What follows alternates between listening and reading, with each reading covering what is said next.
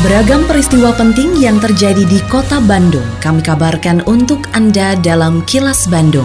Diproduksi oleh LPS PR SSNI Bandung bekerja sama dengan Humas Pemkot Bandung yang disiarkan serentak oleh 40 radio anggota PR SSNI Bandung.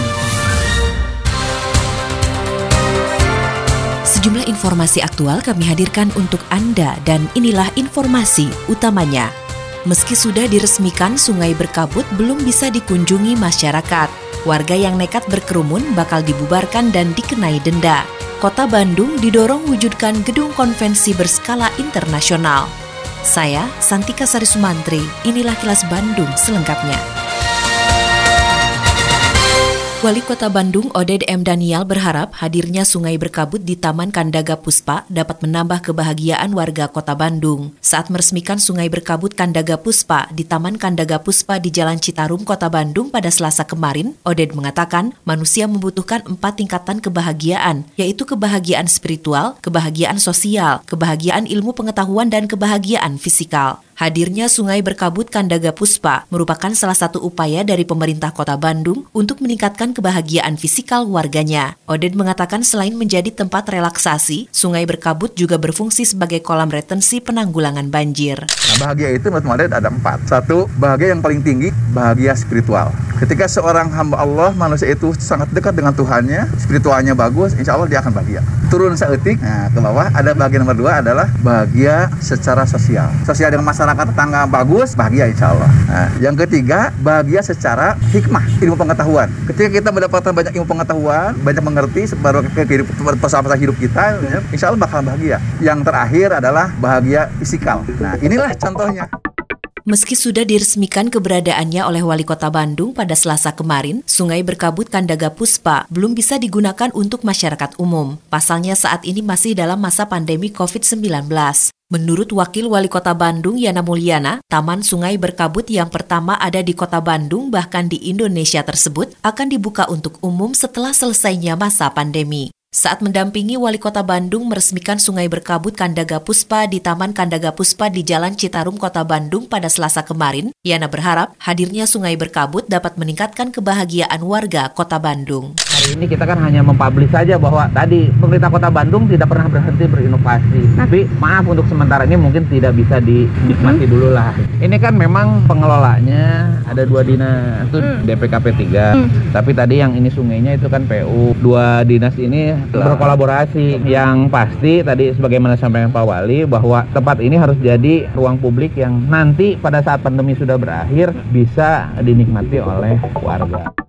Wakil Wali Kota Bandung Yana Mulyana menegaskan warga yang nekat mengadakan kegiatan mengundang kerumunan massa bakal dibubarkan dan mendapatkan sanksi paksa. Usai apel gelar pasukan pengamanan Natal 2020 dan Tahun Baru 2021 pada Rabu pagi, Yana mengatakan, sesuai surat edaran dari Satuan Tugas COVID-19 Pemerintah Pusat, juga Provinsi Jawa Barat dan Kota Bandung, maka di masa pandemi COVID-19 ini, warga dilarang untuk mengadakan perayaan Natal dan Tahun Baru yang berlebihan. Terlebih saat ini Kota Bandung masih ada di zona merah level kewaspadaan atau resiko tinggi penyebaran COVID-19. Oleh karenanya, Yana berharap pihak terkait konsisten menerapkan protokol kesehatan bagi masyarakat sehingga kota Bandung tetap aman, nyaman, kondusif, dan sehat. Sesuai surat edaran dari Satgas COVID pemerintah pusat, sesuai surat edaran dari gugus tugas Provinsi Jawa Barat, dan surat edaran Wali Kota Bandung, tahun ini di tengah pandemi ini warga dilarang untuk mengadakan perayaan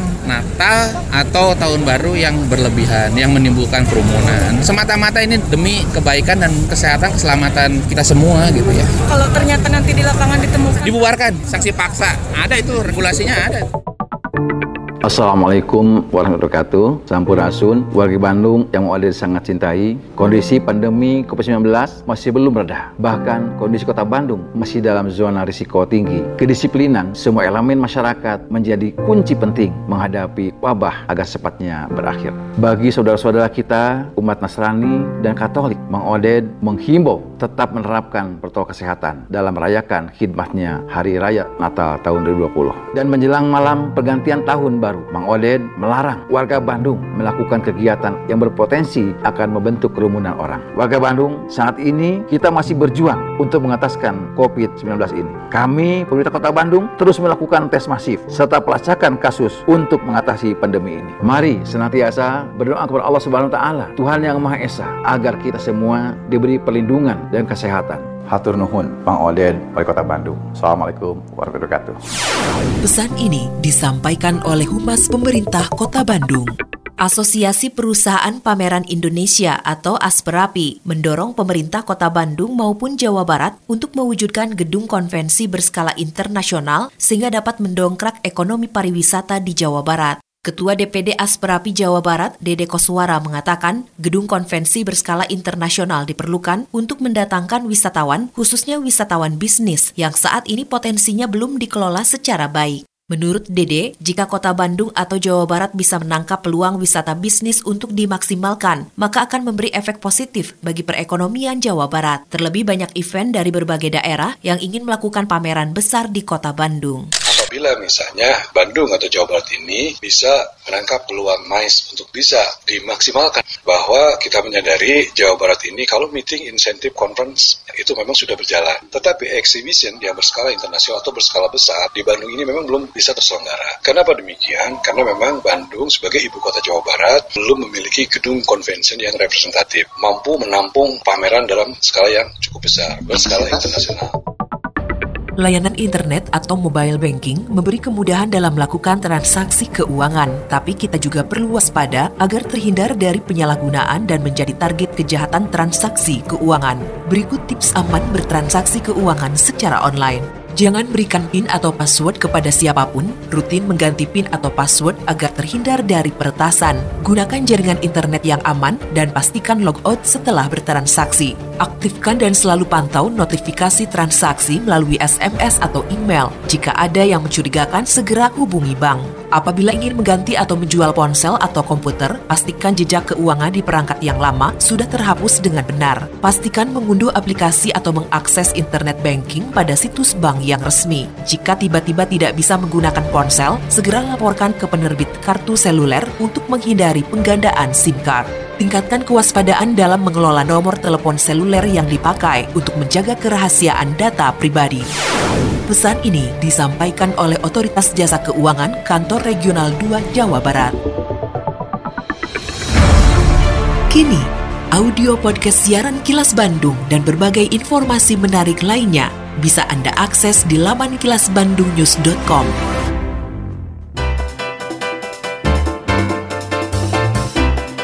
Berikut sejumlah agenda kerja para pejabat Pemkot Bandung Rabu 23 Desember 2020.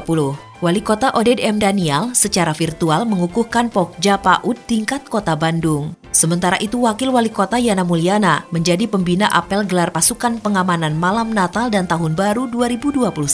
Sedangkan Sekretaris Daerah Emma Sumarna mengikuti rapat kerja Badan Anggaran DPRD Kota Bandung. Selain agenda kerja para pejabat Pemkot Bandung, informasi dari Humas Kota Bandung, yaitu sebagai penyintas COVID-19, Wakil Wali Kota Bandung Yana Mulyana terus mengingatkan warganya untuk lebih meningkatkan disiplin menerapkan protokol kesehatan. Ia mengungkapkan semakin hari kasus COVID-19 semakin meningkat. Untuk memutus mata rantai COVID-19, maka pemerintah kota Bandung tidak bisa berjalan sendiri, tapi dibutuhkan juga partisipasi masyarakat. Pasalnya saat satu komunitas mengingatkan komunitasnya sendiri, akan jauh lebih mudah dan diterima oleh anggotanya. Demikian agenda kerja para pejabat Pemkot Bandung dan info aktual yang diterima redaksi LPSPR SSNI Bandung dari Humas Pemkot Bandung. Tetap patuhi protokol kesehatan di masa adaptasi kebiasaan baru untuk memutus penyebaran virus corona dengan selalu memakai masker, mencuci tangan dan menjaga jarak serta tidak berkerumun.